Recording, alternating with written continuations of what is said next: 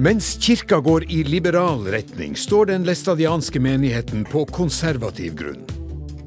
Nord-Troms prosti var inntil forrige uke det eneste av landets drøyt 100 prostier som aldri har hatt kvinnelig prest. Ansettelsen av Julie Skjøtt har utløst kirkestrid.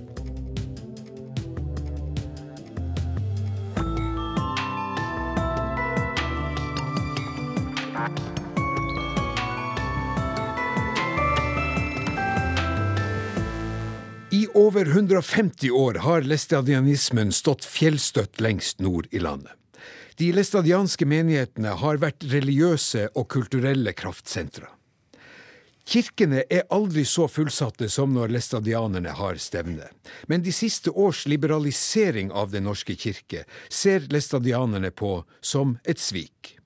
I dagens program skal vi med utgangspunkt i ansettelsen av kvinnelig prest i Nordreisa se nærmere på læstadianismen. Og i studio har vi to læstadianske predikanter og menighetsledere. Nils Einar Samuelsen fra Lyngen og Øystein Leonard Pettersen fra Kalfjord ved Tromsø. Vi har også med prest Ann-Kristin Elvemo eh, i Den norske kirke og professor i urfolksstudier ved Universitetet i Tromsø, Torjer Olsen. Og vi starter programmet med stridens eh, kjerne. Frem til i forrige uke var altså Nord-Troms prosti det eneste av de drøyt 100 prostiene i landet som aldri har hatt kvinnelig prest. Den lestadianske menigheten har alltid gått imot og blitt hørt, men ikke nå lenger. For i forrige uke ble Julie Skjøtt historisk som den første kvinnelige presten i det læstadianske kjerneområdet. Og eh, predikant eh, Nils Einar Samuelsen, hva er begrunnelsen til den læstadianske menigheten for motstanden mot eh, kvinnelige prester? Ja, det er jo For det første så mener vi jo det at uh, Skriften og Guds ord den uh, gir ikke rom for at uh, det skulle være en kvinnelig prest eller en hyrde som skal være en, en prest i en menighet. Er det, er det, tradisjon som er viktigst, eller er, det, eller er det en teologisk forankring i Bibelen? Nei, det er jo teologisk forankring eh, i det at vi mener at Bibelen er klar og tydelig i det at kvinner ikke skulle være prest og hyrde. Hvor, hvor, er det i Bibelen vi har, ja, vi har jo, dette belegget? Du har jo både i Paulus, når han taler i brevet til Timoteus, og vi har også i Korinterbrevet i, i, i, i Skriften.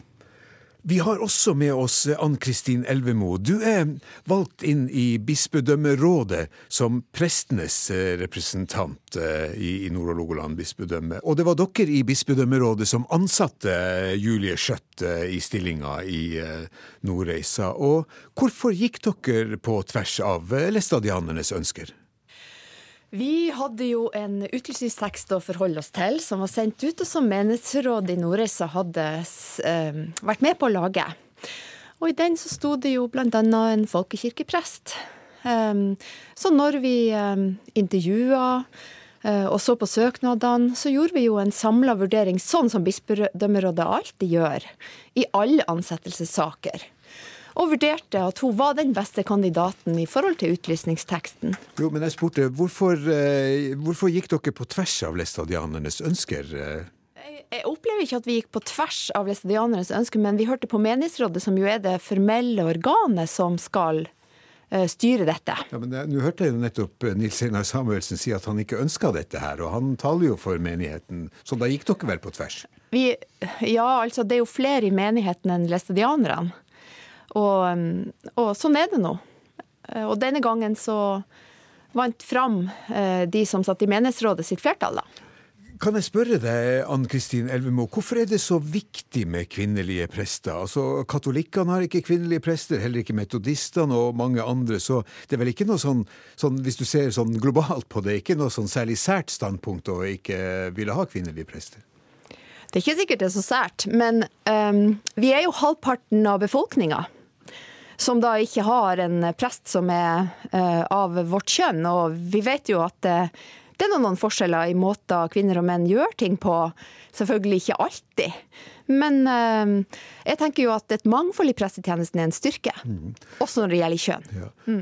Øystein Leonard Pettersen, du er leder for den, for den læstadianske menigheten i Kalfjord rett utenfor Tromsø. Og eh, det som eh, Ann Kristin Elvemo sier her om at eh, ja, kvinner er halvparten av menneskeheten, og skulle det ikke bare mangle at det også fantes kvinnelige prester, da? Jo da, det er ikke det. Kvinner de, de er ypperlige mennesker, er, og når det gjelder det, så er det ingen forskjell på, på kvinner og menn. Er, de, alle er likeverdige. Det er ingen som er mindre eh, verd enn andre. Så eh, det har ingenting med det å gjøre. Men, men Gud han er en ordensgud. Og I sin kirke og menigheter vil han ha orden. Det sier Paulus i, i 1. Korinterpres 14. kapittel. For Gud er ikke en uordensgud, men fredsgud, sier han. Like som i alle de hellige menigheter skal eders kvinner tie i menighetsforsamlingene. For det tillates dem ikke å tale, men de skal underordne seg som også loven sier. Det er Pauli klare rettledning til den kristne menighet. Men eh, det har jo skjedd noe i samfunnet siden Paulus eh, skrev dette her. Eh, ville det ikke vært rimelig med en revisjon? Ja, det kan vi nok tenke med, med menneskelige tanker, men men Gud han er uforanderlig i sitt vesen. Han er i går og i dag, ja til evig tid den samme. Mm. Eh, Ann Kristin Elvemo, prest i Den norske kirke. Du er ikke enig i dette her, skjønner jeg? Jeg har lyst til å si noe om akkurat det bibelstedet. Kan jeg det? Ja. For um, hvis man leser det stedet, det er jo skrevet på gresk. Og hvis du bruker det ordet som her brukes til å tale, som er oversatt til å tale, ja. Ehm, så betyr det ordet Altså det er et eh, ord på gresk som heter laleo. Og det betyr egentlig å snakke. Og så finnes det et annet ord for å forkynne og preike som brukes veldig mange ganger i Bibelen, men det brukes altså ikke her. Og det kan jo bety at det Paulus sier, er at kjerringen ikke skal skravle. Og det tror jeg kanskje at det han sier, med bakgrunn i veldig mange andre ting som har med Korinterbrevet å gjøre. Så det er også mulig å tolke dette helt, helt annerledes. Skravle, hva med Jeg skjønte ikke helt. Ja, altså at man ikke skal prate og forstyrre det som foregår i menigheten når man f.eks. feirer gudstjeneste eller har en forsamling. Ja. Øystein Leonard Pettersen først. Ja, nei, det, det, det, jeg siterte, det var jo Pauli-brevet, første Korinterbrev. Men eh, vi har også et annet brev av Paulus, hvor han eh, i eh, første Timoteus-brev i det tredje kapittel sier at dette er troverdig, et troverdig ord. Om noen attrår et tilsynsembete, da skal han ha lyst til en god gjerning. Derfor skal en tilsynsmann være ulastelig, en kvinnesmann, edruelig, sindig, verdig, gjestfri osv. Det sa han om, om biskoper. Lenger ned i det samme kapittel så sier han Likeså skal menighetstjenere være verdige, ikke tvetungede, ikke tilbøyelige til megen vin, ikke lystne etter ussel vinning. Sådanne som har troens hemmelighet i en ren samvittighet. Og så sier han likeså skal kvinnene være verdige, ikke baktalende, edruelige, tro i alle ting. Så står det i det neste verset menighetstjenere skal være én kvinnes mann og styre vel sine barn og sine egne hus. Og I dette brev så går det klart frem at Paulus kan mene om de som skal være tjenere i menigheten, at det er et embete som er tillagt menn. Så den argumentasjonen står og faller på, på Paulus brev. Er, er, det sånn å forstå? Eh? Ja da, det er jo det som eh, vi har fremholdt og, fremholder. Og, men også som jeg sier og nevner, når Jesus kalte apostlene og sendte dem ut, eh, så var det menn som ble kalt og sendt ut i, i, i verden. Så eh, det er jo selvfølgelig Folk prøver å si at det er gammel, gammeldags, og det her var på Paulus sin tid. Men jeg bruker nå også å si det at Guds ord består nå i tid og evighet. Og man har jo også en saligprisning av Guds ord når man leser en tekst, som også i kirka, at uh, dette var ditt ord, Hellige Fader, hellige du oss i din sannhet, for ditt ord er evig sannhet. Uh, på det. Men, men har ikke Nils Einar Samuelsen her et poeng? Altså, hvis Bibelen er Guds ord, så er det vel Guds ord? Ja, og jeg tror det der egentlig stridens kjerne kanskje ligger. Det er jo nettopp i forståelsen av uh, Bibelen som Guds ord. For jeg mener jo absolutt at Bibelen er Guds ord. Ingen tvil. Men jeg tror forståelsen av dette Guds ord uh, splitter oss. Fordi jeg tenker at Bibelen er Guds ord, skrevet av mennesker inspirert av Gud. Og så har jeg jo veldig lyst til å høre fra disse to hvordan de ville si det, hvordan de ville formulere akkurat det. Um, jeg har jo hørt Ja, vi kan høre, ja. vi kan høre uh, Samuelsen først. Ja, Guds ord, eh, det er jo uh, Gud som har talt gjennom sine tjenere, drevet av Den hellige ånd. Så det som står skrevet, det står skrevet, og vi vil forholde oss til det på den måten. Luther sier om forståelsen av Bibelen at i første rekke så skal vi forstå dens likefremme betydning ikke omfortolket. Og da må vi, da må vi eh, lære å tro eh, Guds ord slik som det står og er nedtegnet i Bibelen. Så, så Luthers forståelse av Bibelen er en bærebjelke i, eh, i, i den læstadianske forkynning?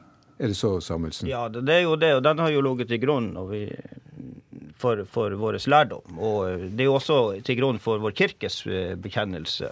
Og jeg vil bare si til, til Elvemo at, eh, at, det var jo ikke så mange år siden, 20 år siden, at kirka også sa om eh, den likekjønnede ekteskapsliturgien at eh, det var en kirkesplittende vranglære. Så hva vil hun si til det i dag? Ja, Elvemo.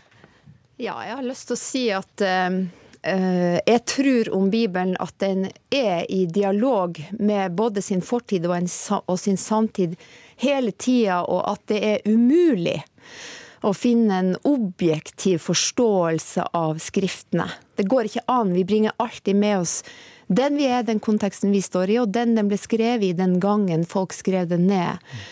Gud var delaktig i å og inspirerte de som skrev ned, men Gud skrev ikke ned ord for ord det som står i Bibelen. Og det gjør at vi kan ikke la være å forholde oss til tilblivelseshistorien, som jo er en tusenårig historie fra man begynte å fortelle til man skrev ned til man samla Bibelen, så gikk det omtrent 1000 år. Det er forferdelig lenge.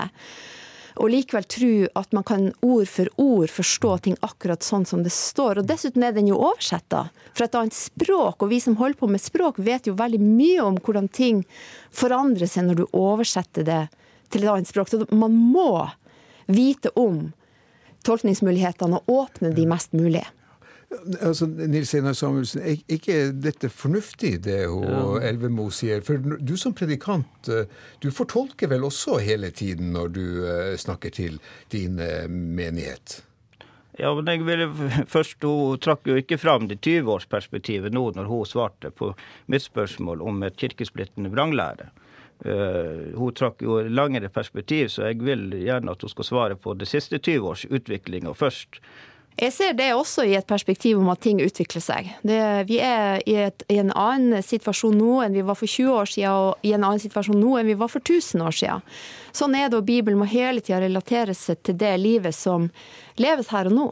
Ja, men jeg mm. mener kanskje Samuelsen at, uh, hvis jeg forstår Samuelsen rett, at, at, at dere er vel populistiske uh, i forhold til uh, Guds egne ord? Det er helt OK at han mener det, men, Guds, ord er, men... Men, men Guds ord er levende. For meg også. Og når jeg tolker det, så tenker jo jeg sånn at når du skal forkynne Guds ord, eh, så er det det som er det viktigste. Og da må du også fjerne de tingene som kan stenge for at det kan nå ut til folk med Guds ord. Og jeg tror at dette kvinnepressspørsmålet f.eks., og debatten rundt det, det stenger for at folk kan høre Guds ord. Og Derfor må vi legge bort den striden og gå videre. For nå er det nesten 60 år siden vi fikk den første kvinnelige presten i Den norske kirke. Og da må vi tenke at OK, det der er gått, det toget er gått. Nå må vi konsentrere oss om å fortelle folk om at Gud finnes, og at Jesus har frelst oss. Eh, Øystein? Ja, nei, bare en kommentar til det siste her. Jeg tror vi er på en veldig farlig vei i, i kristenheten hvis vi setter Skriftens ord til side, eller at eh, hvis vi kommer inn på en slik tanke at vi skal begynne med omfortolking. For Skriftens ord den må forstås i sin likefremme betydning. Og eh, det er umerkelig også når man ser på utviklinga i Den norske kirke, for det er ikke mange tiår eh, tilbake i tid at både eh, kvinnelige prester ikke var, var akseptert. Og langt ifra denne nye partnerskapsloven som nå er, er vedtatt. Det var overhodet ikke eh, akseptabel tankegang i Den norske kirke for noen tiår siden. Men her ser man hvordan Kirken har utvikla seg eh, i forhold til eh, den menneskelige tankegang, og setter, setter Skriftens ord til side.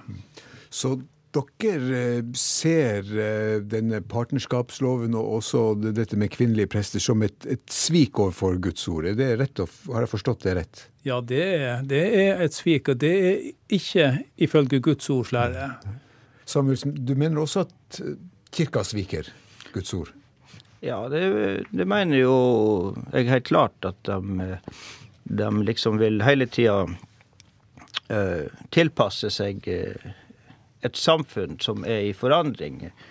Og uh, hvor det her som er kjernen i, i Guds ords forkynnelse, som også blir trukket fram her, det er jo omvendelse og syndenes forlatelse. Det var jo det mandatet, for å si det sånn, også disiplene fikk når de skulle gå ut. Og da trengs det også å forkynne omvendelse og hva som er synd, eh, men også Guds nåde og barmhjertighet eh, på det. Og det er jo det som også særpreger den læstadianske vekkelsesbevegelse, hvor man eh, tar et oppgjør med synden og det som er galt i samfunnet. Hvor det også skjer en vekkelse i mennesket. Han kommer til å, og mennesket kommer til å se og erkjenne at at, at, vi bærer på en, en, synd som vi må få frelse og legedom ifra. Mm. Og, og, evangeliet er jo det gledelige budskap som forkynnes til en, en synder om Guds nåde og barmhjertighet. Ja, Nils Einar Samuelsen, eh, du, du, har sagt at eh, Jesus sier sjøl at selv om himmel og jord forgår, så består Hans ord. Og mennesket har til, til evig tid de samme fiender, og det er djevelen og, og vårt eget kjød. Ja, og verden. Djevelen, ja. verden og vårt eget kjød. ja. Djevel, verden og vårt eget kjød, ja. Så, så, så vi, vi, står altså i en kampsituasjon. Ja, det er jo det. Og i, det at vi blir døpt og blir et gudsbarn, et kristent menneske, så får vi også fienden eh, omkring oss. Eh, og fienden vil lokke, friste. Det har skrift, vi mange ord i Skriften for.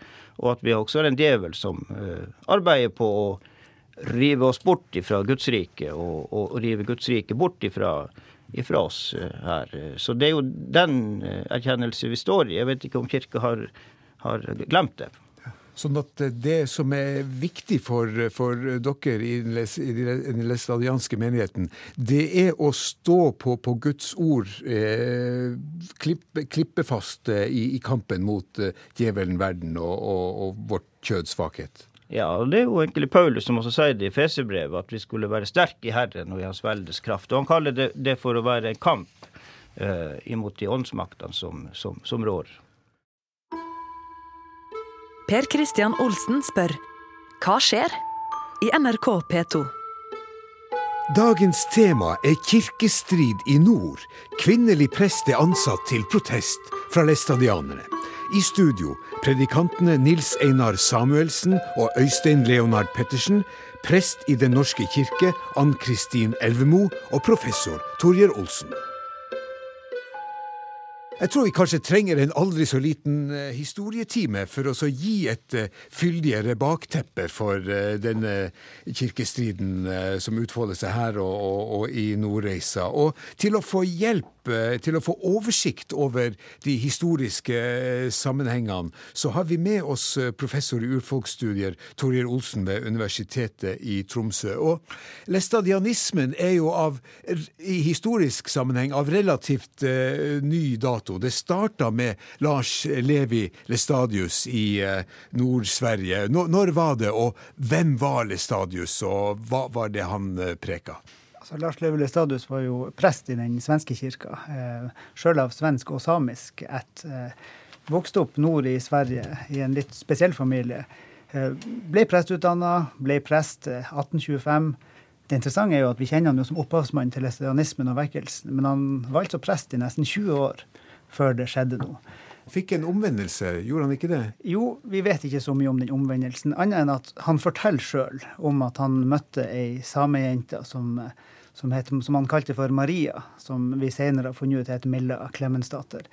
Og hva som egentlig skjedde i dette møtet, vet vi lite om. Men han forteller sjøl at han, prekenene fikk en høyere farge etterpå. Og uansett hva som faktisk skjedde, så eh, starta det faktisk en vekkelse på midten av 1840-tallet. En vekkelse der vi vet Lestadius sin forkynnelse var jo en forkynnelse om omvendelse. Altså Litt det vi hører som både Nils Einar og Øystein her snakker om, om omvendelsen fra et liv i, i synd til et våkent kristent liv. Um, samtidig så er det jo sånn at lesianismen er en ganske lik kristen bevegelse som vi har andre steder. Lesianismen er på mange måter en, en pietistisk vekkelse som vi ser i store deler av Nord-Europa på, på begynnelsen av 1800-tallet. Så Sånn sett skiller det seg ikke så mye. Store deler av Sverige, Norge, Finland opplevde litt av de samme.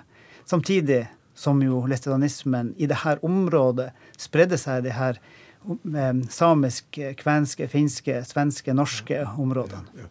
Eh, altså, Lars Levi Lestadius var prest i Karesuando i, eh, i Nord-Sverige.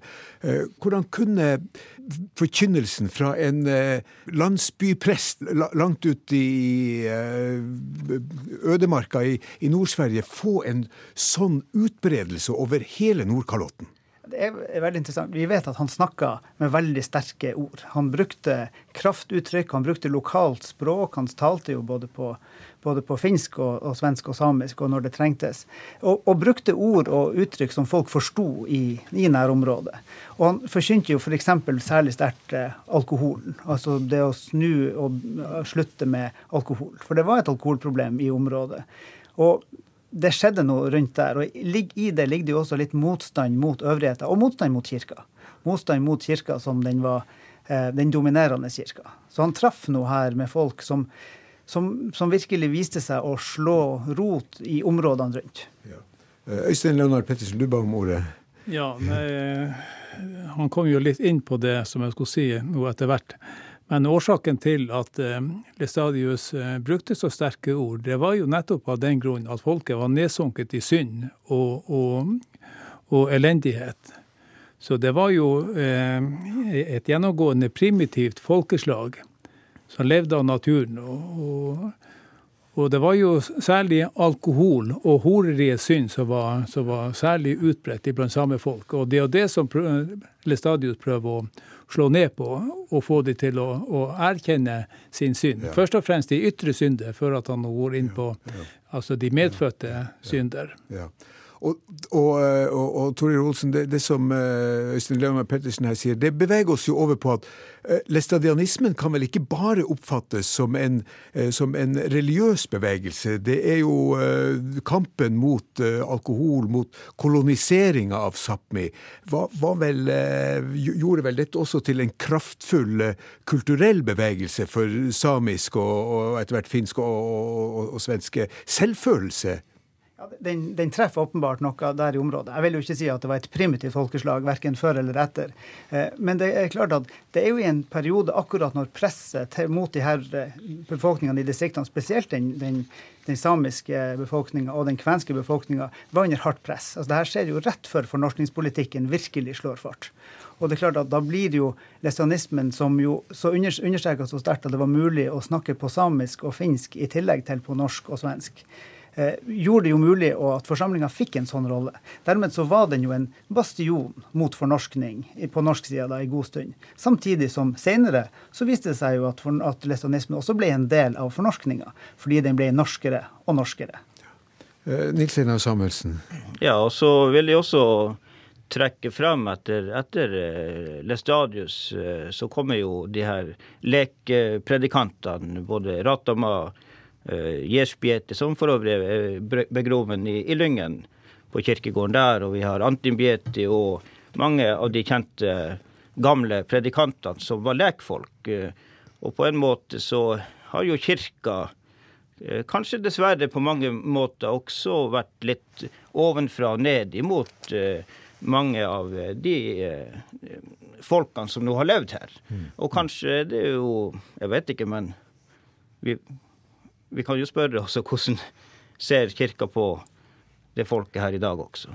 Ja, Kanskje vi kan høre med Ann Kristin Elvemo. altså den, eh, den, historiske sammenhengen her for utbredelsen av læstadianismen. Det var vel, eh, som eh, Nils Ednar Samuelsen her er inne på, også et, et opprør mot en, en kirke som, som, var på makthavernes side, og som faktisk var med på å utnytte befolkninga her oppe? Kirka har gjort mye galt mot befolkninga, mot den samiske befolkninga og mot, uh, mot, mye folk i Norge. Og det er vi lei oss for. Uh, og det har blitt gitt uh, beklagelser for det. Så jeg skal ikke på noen måte forsvare det. Kirka var autoritær og tok inn penger og tvang folk. Det, det er ingen tvil om det. Jeg er glad for at kirka ikke gjør det nå, for jeg tenker at vi ikke gjør det. Jeg tenker at Når vi ansetter en kvinnelig prest i Nordreisa, så finnes det seks andre prester i Nord-Troms som er menn. Eh, det er nå en ganske grei balanse, det. Ja. Men før vi forlater helt den historiske vinkelen, Torjord Tore Olsen. Eh, hvordan skjedde det rent faktisk at læstadianismen fikk en så stor utbredelse i Finnmark og Nord-Troms, og, og, og, videre sørover ned mot Helgeland? Altså Den skjedde jo med at det ble sendt ut folk til å spre ordet. Folk reiste jo til Karesuando og etter hvert til Pajala, der Lestadius flytta, for å ta med seg ordet tilbake og, til sine områder. Og der da gjorde de jo dem, leste opp brev fra Lestadius, etter hvert begynte de å tale sjøl. Og det er klart at her er jo Rein sine trekkruter spilte jo en rolle, men også de handelsveiene. Og dermed så, så traff det, og det er tydelig at den forkynnelsen traff. Så, så reindriftssamene som for eh, over grensen her, var, var, på mange måter de første misjonærene for, for Lestadius' lære? Ja, Vi vet i hvert fall at flere, altså både Antin Pieti og Jes Pieti, kom jo med, med reinflokk, og det, det, spiller en rolle. Ja. Eh, og uh, hvordan høvde det til at uh, Lyngen ble et sånt uh, kraftsentrum? Uh? Fortellinga som er litt mytisk, er jo om de to, for, de to predikantene som kommer roende over Lyngenfjorden. Ja, det må, du, det må, du, fortelle. Ja, Det sies jo at de her to predikantene som var sendt ut av Lestadius i 1848, kom over til, til skibåten, prøvde å forkynne der, ble egentlig sparka ut, rodde over fjorden og ble kullseilte nærmest i pollen på, på Lyngsteidet-sida. Eh, og der, eh, der, liksom fikk lesanismen i Lyngen sitt første fotfeste. Mm. Så det er jo den her litt sånn mytiske fortellinga. Og eh, deretter så har altså bevegelsen fått ganske stor oppslutning i det her området. Du hører Hva skjer? i NRK P2. Eh, Nils Einar Samuelsen, altså din far, bestefar og også oldefar eh, var eh, predikanter, i likhet med, med deg. Så du står jo i en, i en lang tradisjon her. Og hva er, det, hva er, det, du bringer med deg fra, den, fra denne lange tradisjonen i, i, i Lyngen, som starta med Pieti og, og har utvikla seg videre? Ja, det var jo vel eh, min tippoldefar og, og, og bestefar, og, bestefar og, og, far da, som, som uh, var i den tjenesten, og som nå jeg også har blitt å, å være med. Jeg har jo reist nå i vel 20 år mm. og, og, talt. Og, det er klart at jeg som jeg, jeg, jeg bruker å si det at for meg har det betydd utrolig mye å få vokse opp i et, eh, et kristent hjem og fått fått eh, med seg de gode verdiene som kristendommen bærer med seg. Både det at man har blitt tatt med til gudstjeneste. Far min var jo klokker i, i Lyngen. Jeg fikk tidlig være med. Jeg, brukte, jeg spurte en gang biskopen når vi begynte. Vi var i menighetsrådsmøte. Når vi liksom begynte med det her jeg, jeg sa at det var nå kanskje fem-seks år. Da, da fikk jeg sitte i preikestoltrappa og notere ned hvor mange som var til nadvær, for det skulle journalføres. Og, og jeg, jeg, er veldig takknemlig for at jeg har fått være med og fått lov til å og ikke bare at være med i start, men at jeg har fått lov til å, å, å bli også i denne uh, forsamlinga og, og, og, kristendommen. Og, og også omtanken for våre medmennesker har kanskje vært uh, særlig også uh, preg av det her området. At, at, man har sett dem som har det tungt. Mm. Man har omsorg for dem som er syke. og og, og, ønsker å ta vare på det. Og kanskje mange ganger blir det et bilde sånn at vi er læstadianerne kalde og, og, ikke har Fundamentalistisk. ja, ja, på den måten. Ja. Men tvert imot så, så erfarer jeg at, at folket har vært veldig gjestfri. Vi har vært vant til å, å hjelpe når, det trengs, og også hjelpe dem som er syke og har det, har det vanskelig på den måten. Uh, og, og, se mennesket. Og, og, det er jo egentlig i forhold til Guds ord at Gud, Gud han elsker Eh, han elsker syndere. Vi er jo alle syndige mennesker. Men han hater synden, ikke sant? Mm. Men, men, at man har omsorg for mennesket og ser, ser, eh, ser viktigheten og verdien av mennesket oppi, oppi det her. Du nevnte at uh, det går helt tilbake til din tippoldefar. Uh, hvis, hvis, hvis, vi nå hadde hatt uh, de talene fra, fra din tippoldefar her ved oss, ville han ha sagt det samme som deg når du har dine prekener, eller har det vært en viss utvikling der? Ja, jeg, jeg tenker sånn at det, Guds ord det forkynnes på den samme måte som den gang. Og vi har jo også våre taler fra, fra, fra generasjoner oppover tida som vi, vi ønsker å følge mm. de, de, de, samme fote, fotespor, for å si det sånn, læremessig. Mm. Vi skal holde oss litt på det historiske eh, ennå. Og Torgeir Olsen, professor i urfolksstudiet ved Universitetet i Tromsø. Har, har, det vært noen eh, teologisk utvikling her hos destadianerne som du kan spore? Det kommer jo litt an på, kommer litt an på hvem du spør. Eh, men det er jo ikke tvil om at altså Lestadius var jo en vekker. Han var jo en vekkelsesforkynner som ikke bygde teologi på samme måte. Det kommer jo i grunn etter han. Mm. Og det er klart at Da sprer bevegelsen seg og blir stor. Noe som jo også fører til splittelse, fordi predikantene rundt omkring på et svært område viste seg å være ganske uenige med hverandre. Så er klart at Da skjer det teologisk utvikling med at man bygger litt ulike teologier, som jo viser seg at vi her i Norge har minst seks retninger. Ja. Læstadianismen, er, er, det, er det en samisk bevegelse, finsk bevegelse, eller hvordan skal vi oppfatte den? Ja, altså, den er jo en samisk bevegelse, men det er jo ikke bare en samisk bevegelse. Eh, sånn at lestadianisme må ikke ses som en samisk kristendom. Samisk kristendom er ikke lestadianisme. Eh, men det er klart, det har en viktig del av, av mm. samisk historie. Eh, altså, I den populære oppfatninga av lestadianisme, folk som ikke eh, kjenner noe særlig til det, de har i hvert fall hørt at uh, læstadianerne de har ikke juletrær, og, og, de har ikke gardiner, har det blitt sagt. Hva vil dere si til dem som sier, sier sånt? Nei, altså det, det, var kanskje slik før i tida. Så var det visse ting som uh, eh, læstadianerne ikke tillot seg. Men eh, det er noe så. Vi lever jo Det er jo ytre ting som ikke har noe med, med, med, med tro og kristendom å gjøre. Så om noen har et juletre inni huset sitt, det, det ser ikke vi som eh, noe fall i, på, i så måte. Nei. Nei, men både juletre og også TV til å begynne med var vel sett på som avgudsdyrkelse, var det ikke det, Nils Einar Sandbergsen? Ja, ja det, det, var jo det, og det bruker man jo enda å si. Det, det at man skal jo vokte Det er jo ikke alt godt som vises verken på TV eller Internett og, og, og de tingene. sånn at det er jo en, en, ja, en generell advaring mot hva man nå bruker også øynene til. Sånn, og det, det, er jo kanskje ikke bare innenfor kristendommen, men det ser man jo også ellers når man nå har eh, lærer opp unger og sånt. Og det her med gardiner var det også. Men jeg tenker sånn at det var kanskje veldig fattigdom. Det var familier store, og de prioriterte nå å bruke midlene på det de eh, var nødvendig. og og så fikk det komme. Og i dag er det kanskje populært for andre å ikke ha gardiner i husene, så for å si det sånn. Men eh, da betyr altså, da, da finnes det i læstadianske hjem både TV og, og, og juletre? Det Fins det hjemme hos dere, f.eks.? Ja, det, vi har ikke juletre. Det har nei, vi ikke. Så. Nei. Men, uh, Men TV har du? Ja.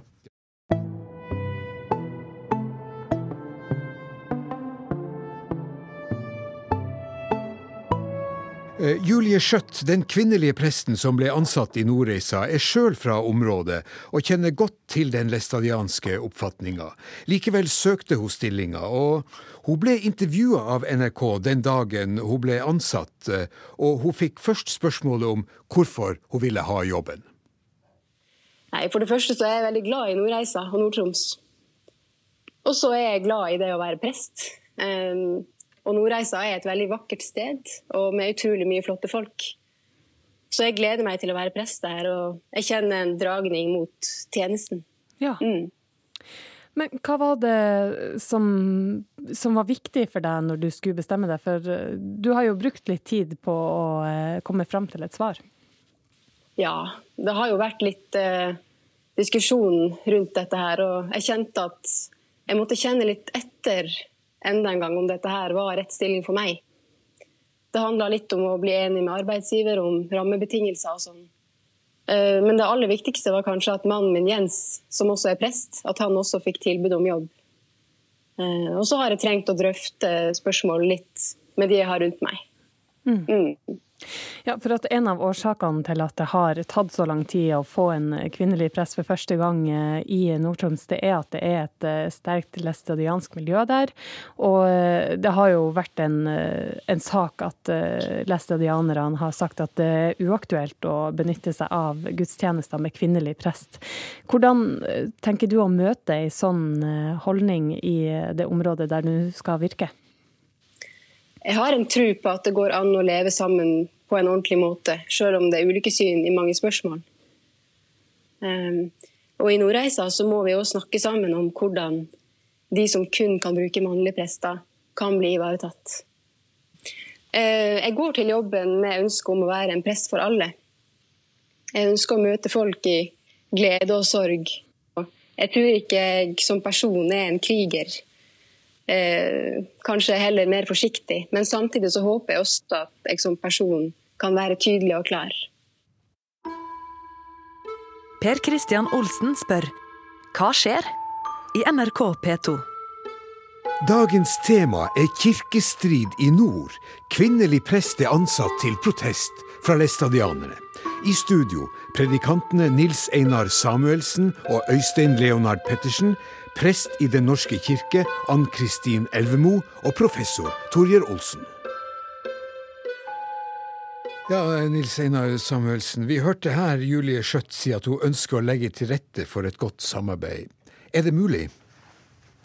Uh, jeg syns at uh, det vil være, bli veldig vanskelig for oss. Det vil bli veldig vanskelig for oss uh, hvordan det skal skje. Og, og, da tenker jeg ikke bare på det første måneden nå, hvor for så vidt folk kan jo sikkert kjøre til Skjervøy eller til Kåfjorden i en gudstjeneste, men man skal tenke langsiktig og tenke på ungdom og uh, barn og konfirmasjon osv., hvor vi har brukt kirka trofast. Uh, og eh, jeg tror at kirka og vi har At det, det blir et mye vanskeligere forhold framover, særlig i det området hvordan man skal løse det. Og jeg tenker at de prøver nå å komme med en sånn nødløsning, men jeg tenker lenger framover. Jeg tenker på på oss nå og år framover hvordan det skal fungere. Sånn at uh, vi, har, uh, vi, må sette oss nå ned og, og, og, tenke nøye igjennom. Vi står nå i, på en måte i en ja, nesten som vi sier, et, et, et, et, et skille. Hvor, hvor, hvor skal det utvikle seg videre? De konservative ja. taper hele tida? Ja, det vil de si. Og jeg, jeg, vil se, og jeg ønsker og kanskje at de enda kan se på en mulighet for hvordan man kan kanskje ha en ambulerende press som kan fungere. men det, det gjenstår å se. Men da er det også økonomiske konsekvenser, og jeg forventer at Kirka også stiller opp i det.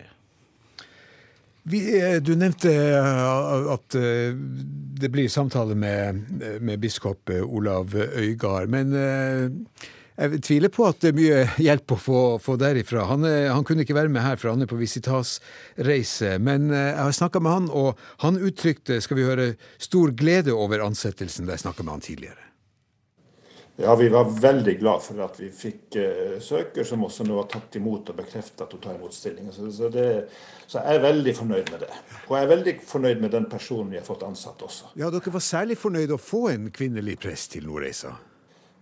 Ja, altså, det har vært uttrykt som et klart ønske fra, fra menigheten og menighetsrådet der. Og, og det er jo litt uh, interessant på en måte da, at alle prostier i hele landet vårt Eh, har eller har hatt kvinnelig prest i sin tjeneste, og nå er vi liksom kommet til det aller siste prostiet nasjonalt. Så det er jo, det er en liten milepæl. Ja.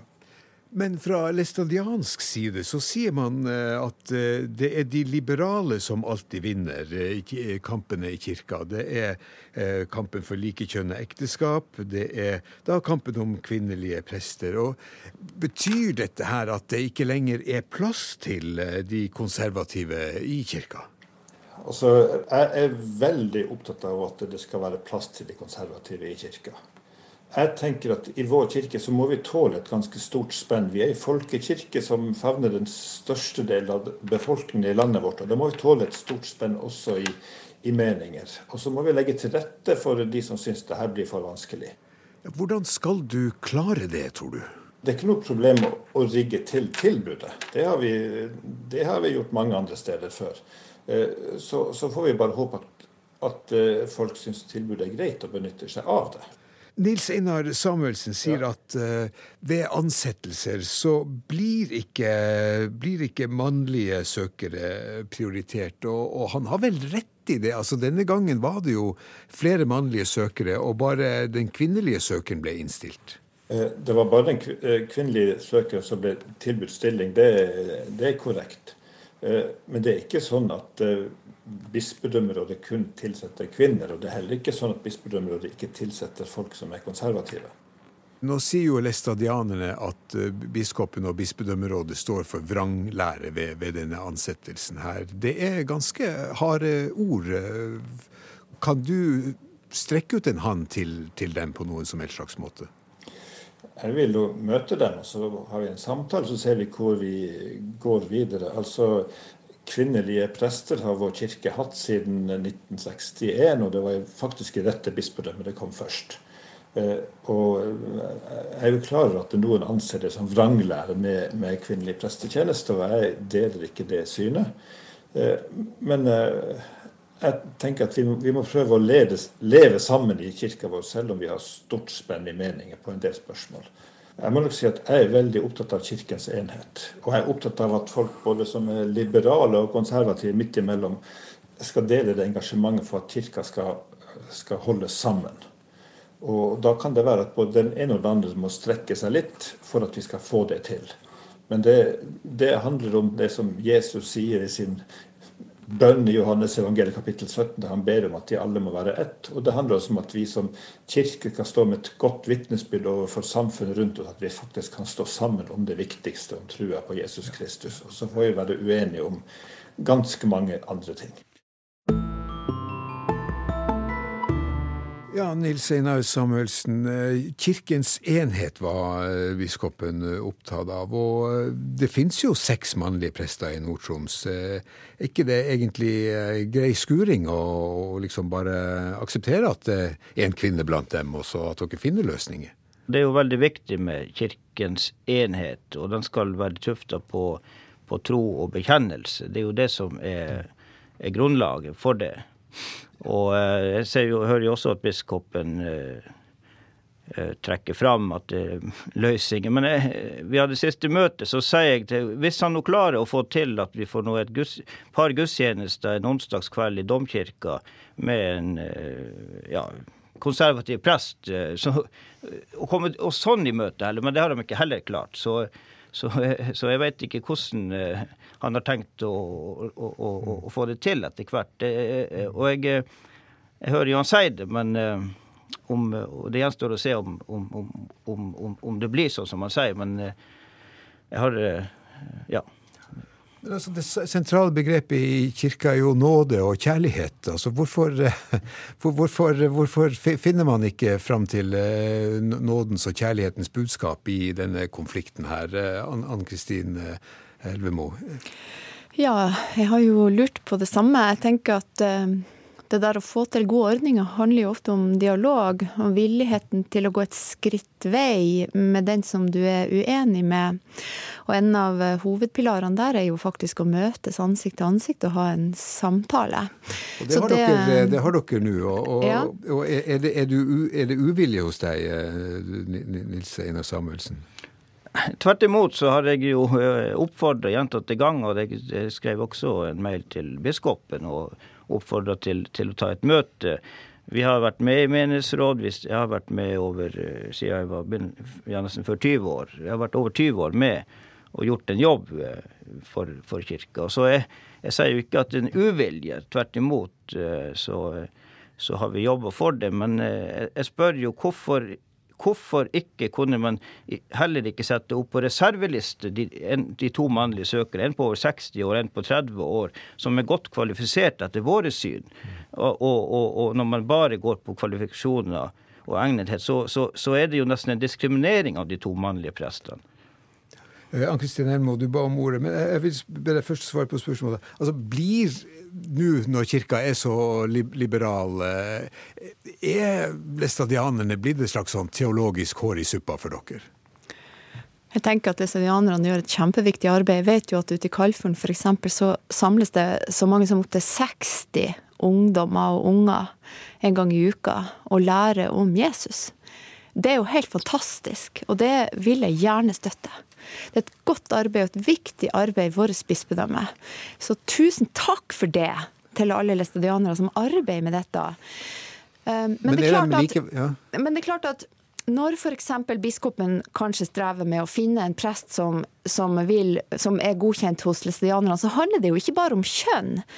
Men det handler jo om teologisk ståsted, så hvis man har feilt syn etter læstadiansk oppfattelse i en eller annen etisk sak, så er man heller ikke godkjent. Og er man skilt og gjengift, så er man heller ikke godkjent. Så det, det, skal, det er jo veldig mange ting, da. Ikke så det begynner etter hvert å bli ganske få. Nei, men det begynner jo å bli da veldig få som er godkjent, og det er jo en utfordring som kanskje læstadianerne må tenke på. Øystein, eh, Leonard Pettersen, du ba om ordet. Ja, det var bare en kommentar til det som Ann-Kristin sier her. Eh, det er jo klart at eh, takhøyden i kirka, den, den skal jo for så vidt på en måte være, være stor. Altså Når det gjelder forkynnelsen om synd og nåde, så er, det, er nåden den er uendelig. Og En ting som jeg ville bare kommentere, som også programlederen var inne på, at det var to kjernepunkt i, i, forkynnelsen. Det var kjærlighet og nåde. Var det det du nevnte? Men eh, jeg vil jo også si at det som er, er, er hovedpunkt i forkynnelsen, det er jo omvendelse og syndernes forlatelse. Mm. Det er jo det som skal være danne grunnlaget for rett apostolisk forkynnelse i vår kirke i dag. Men eh, når det gjelder den første delen om, om uh, å forkynne om synd, så syns man det at det kommer nokså eh, mm. langt bort fra kirkens forkynnelse. Det kan vel eh, Pettersen ha rett i, eh, Ann-Kristin Elvemo? Ja, i hvert fall så har synsbegrepet forandra seg ganske mye. Eh, for eh, jeg hører jo når de nå sier synd, så, så ligger det kanskje en del andre ting i det. F.eks. at det er synd å være prest og kvinne. Ehm, jeg tenker jo ikke det, naturlig nok, for jeg står jo her med snipp. Og er prest hver dag i Rønnesen menighet og i Tromsø domprosti. Så det er klart at jeg er uenig i den måten å forstå synd på. Men når det gjelder f.eks. det der å ta vare på fattige, da tenker jeg at vi har et kjempestort arbeid i lag, læstadianerne og alle.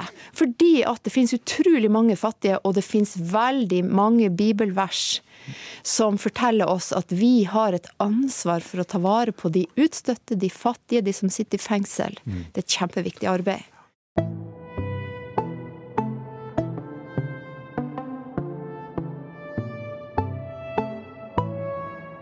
Vi begynner å nærme oss eh, slutten her snart. Kanskje jeg kan stille et personlig spørsmål. Altså, eh, Anne Kristin Elvemo, du er jo prest i Den eh, norske kirke, og her, du, her diskuterer du jo med to uh, menighetsledere som uh, syns at du ikke burde ha den uh, stillinga du har i dag. Syns du det er vanskelig å snakke med dem? Jeg syns at dette møtet har vært utrolig fint. Kjempefint. Og jeg, jeg vet at de, mener, at de, mener, at jeg ikke kan være prest. jeg har forent meg med det, men jeg, jeg, får jo utrolig mye støtte fra den andre sida. Når jeg går til Grønnåsen menighet, så øker menighetstallet hvert år, og vi har økt dåpstall og vi har økt konfirmasjonstall. sånn at jeg får på en måte nok av bekreftelse på den andre sida. Derfor syns jeg det er utrolig spennende å få lov å være med i denne samtalen. Og jeg håper det kan bli flere. Eh, og til dere, Nils Einar Samuelsen og Øystein Leonard Pettersen. Eh, er det vanskelig for dere å eh, snakke med Ann Kristin Elvemo, som er prest? Nei, ikke for min del å prate. Jeg prater med alle folk, og masse folk i alle ja, på, jeg traff mye folk rundt omkring. Men Blir du provosert Nå stiller hun her i prestekrage? Blir du, uh, blir du provosert av det? Nei, nei da, det, klær, klær det får det får det på hva, hva, man vil ha på. så det noe, Jeg har nå en dress på i dag, så det, det er nå greit, det. Enn du, eh, Øystein Leonard Pettersen? Nei da, altså vi må skille I denne saken så må vi skille mellom sak og person. Og Ann-Kristin som person, så jeg kjenner jo ikke hun sånn personlig, men hun er sikkert et ypperlig menneske og har ingen problem med å, å stå ved siden av henne og, og, snakke om sånne alvorlige spørsmål. Men her er altså en, en vesentlig forskjell i vår oppfatning av Skriftens lære. Vi i Den læstadianske menighet vi ønsker å ta Skriftens ord på alvor. Og ut ifra de bibelsteder som jeg refererte til å begynne med, så er det det som danner grunnlaget mm. Mm. hos oss for eh, vårt standpunkt når det gjelder eh, kirkelig betjening og mm. kvinnelige mm. prester. Det er en ting som ikke har vært nevnt her enda, og det er en av de viktigste tingene i kristen tro, sånn som jeg ser det. Og det er at eh, når Jesus var stått opp, så skulle det fortelles. Hvem var det i alle evangeliene som fikk beskjed om først å gå ut og fortelle? Ja. Det var kvinner, kvinner, kvinner, kvinner. Ja, ja da tiet ikke kvinnene eh, nede i Nei, da, det, det, er jo eh, som også vi lærer at eh, når det gjelder det, det all, allmenne prestedømmet, eller sånt som kristne, så er vi jo alle på den måten. Eh, har vi lov å fortelle om Jesus Kristus, en, en, en, mamma med et lite barn på fanget. Fortelle om Jesus og lære, lære den lille å synge salmer. Og, og, og, ellers i om, omgivelsen så skal vi gjerne det. Men det her hører jo til, til ordinasjonen og, og, kallelsen til et, et, til å være prest og forvalte tale, ordet og sakramentene i, i det henseende. Eh, Torjer Olsen, eh, nå går det alvorlig mot slutten her. og eh, vi har jo hørt i løpet av programmet her at uh, læstadianerne er jo på vikende front. De liberale fosser uh, fremover. Og uh, ja, sett ut ifra den historiske utviklinga, kjemper nå læstadianerne en tapende kamp Eh, står de med ryggen mot eh, veggen nå når de har tapt sin eh, siste skanse i Nord-Troms? Og er utsiktene dystre fremover for menighetens overlevelse?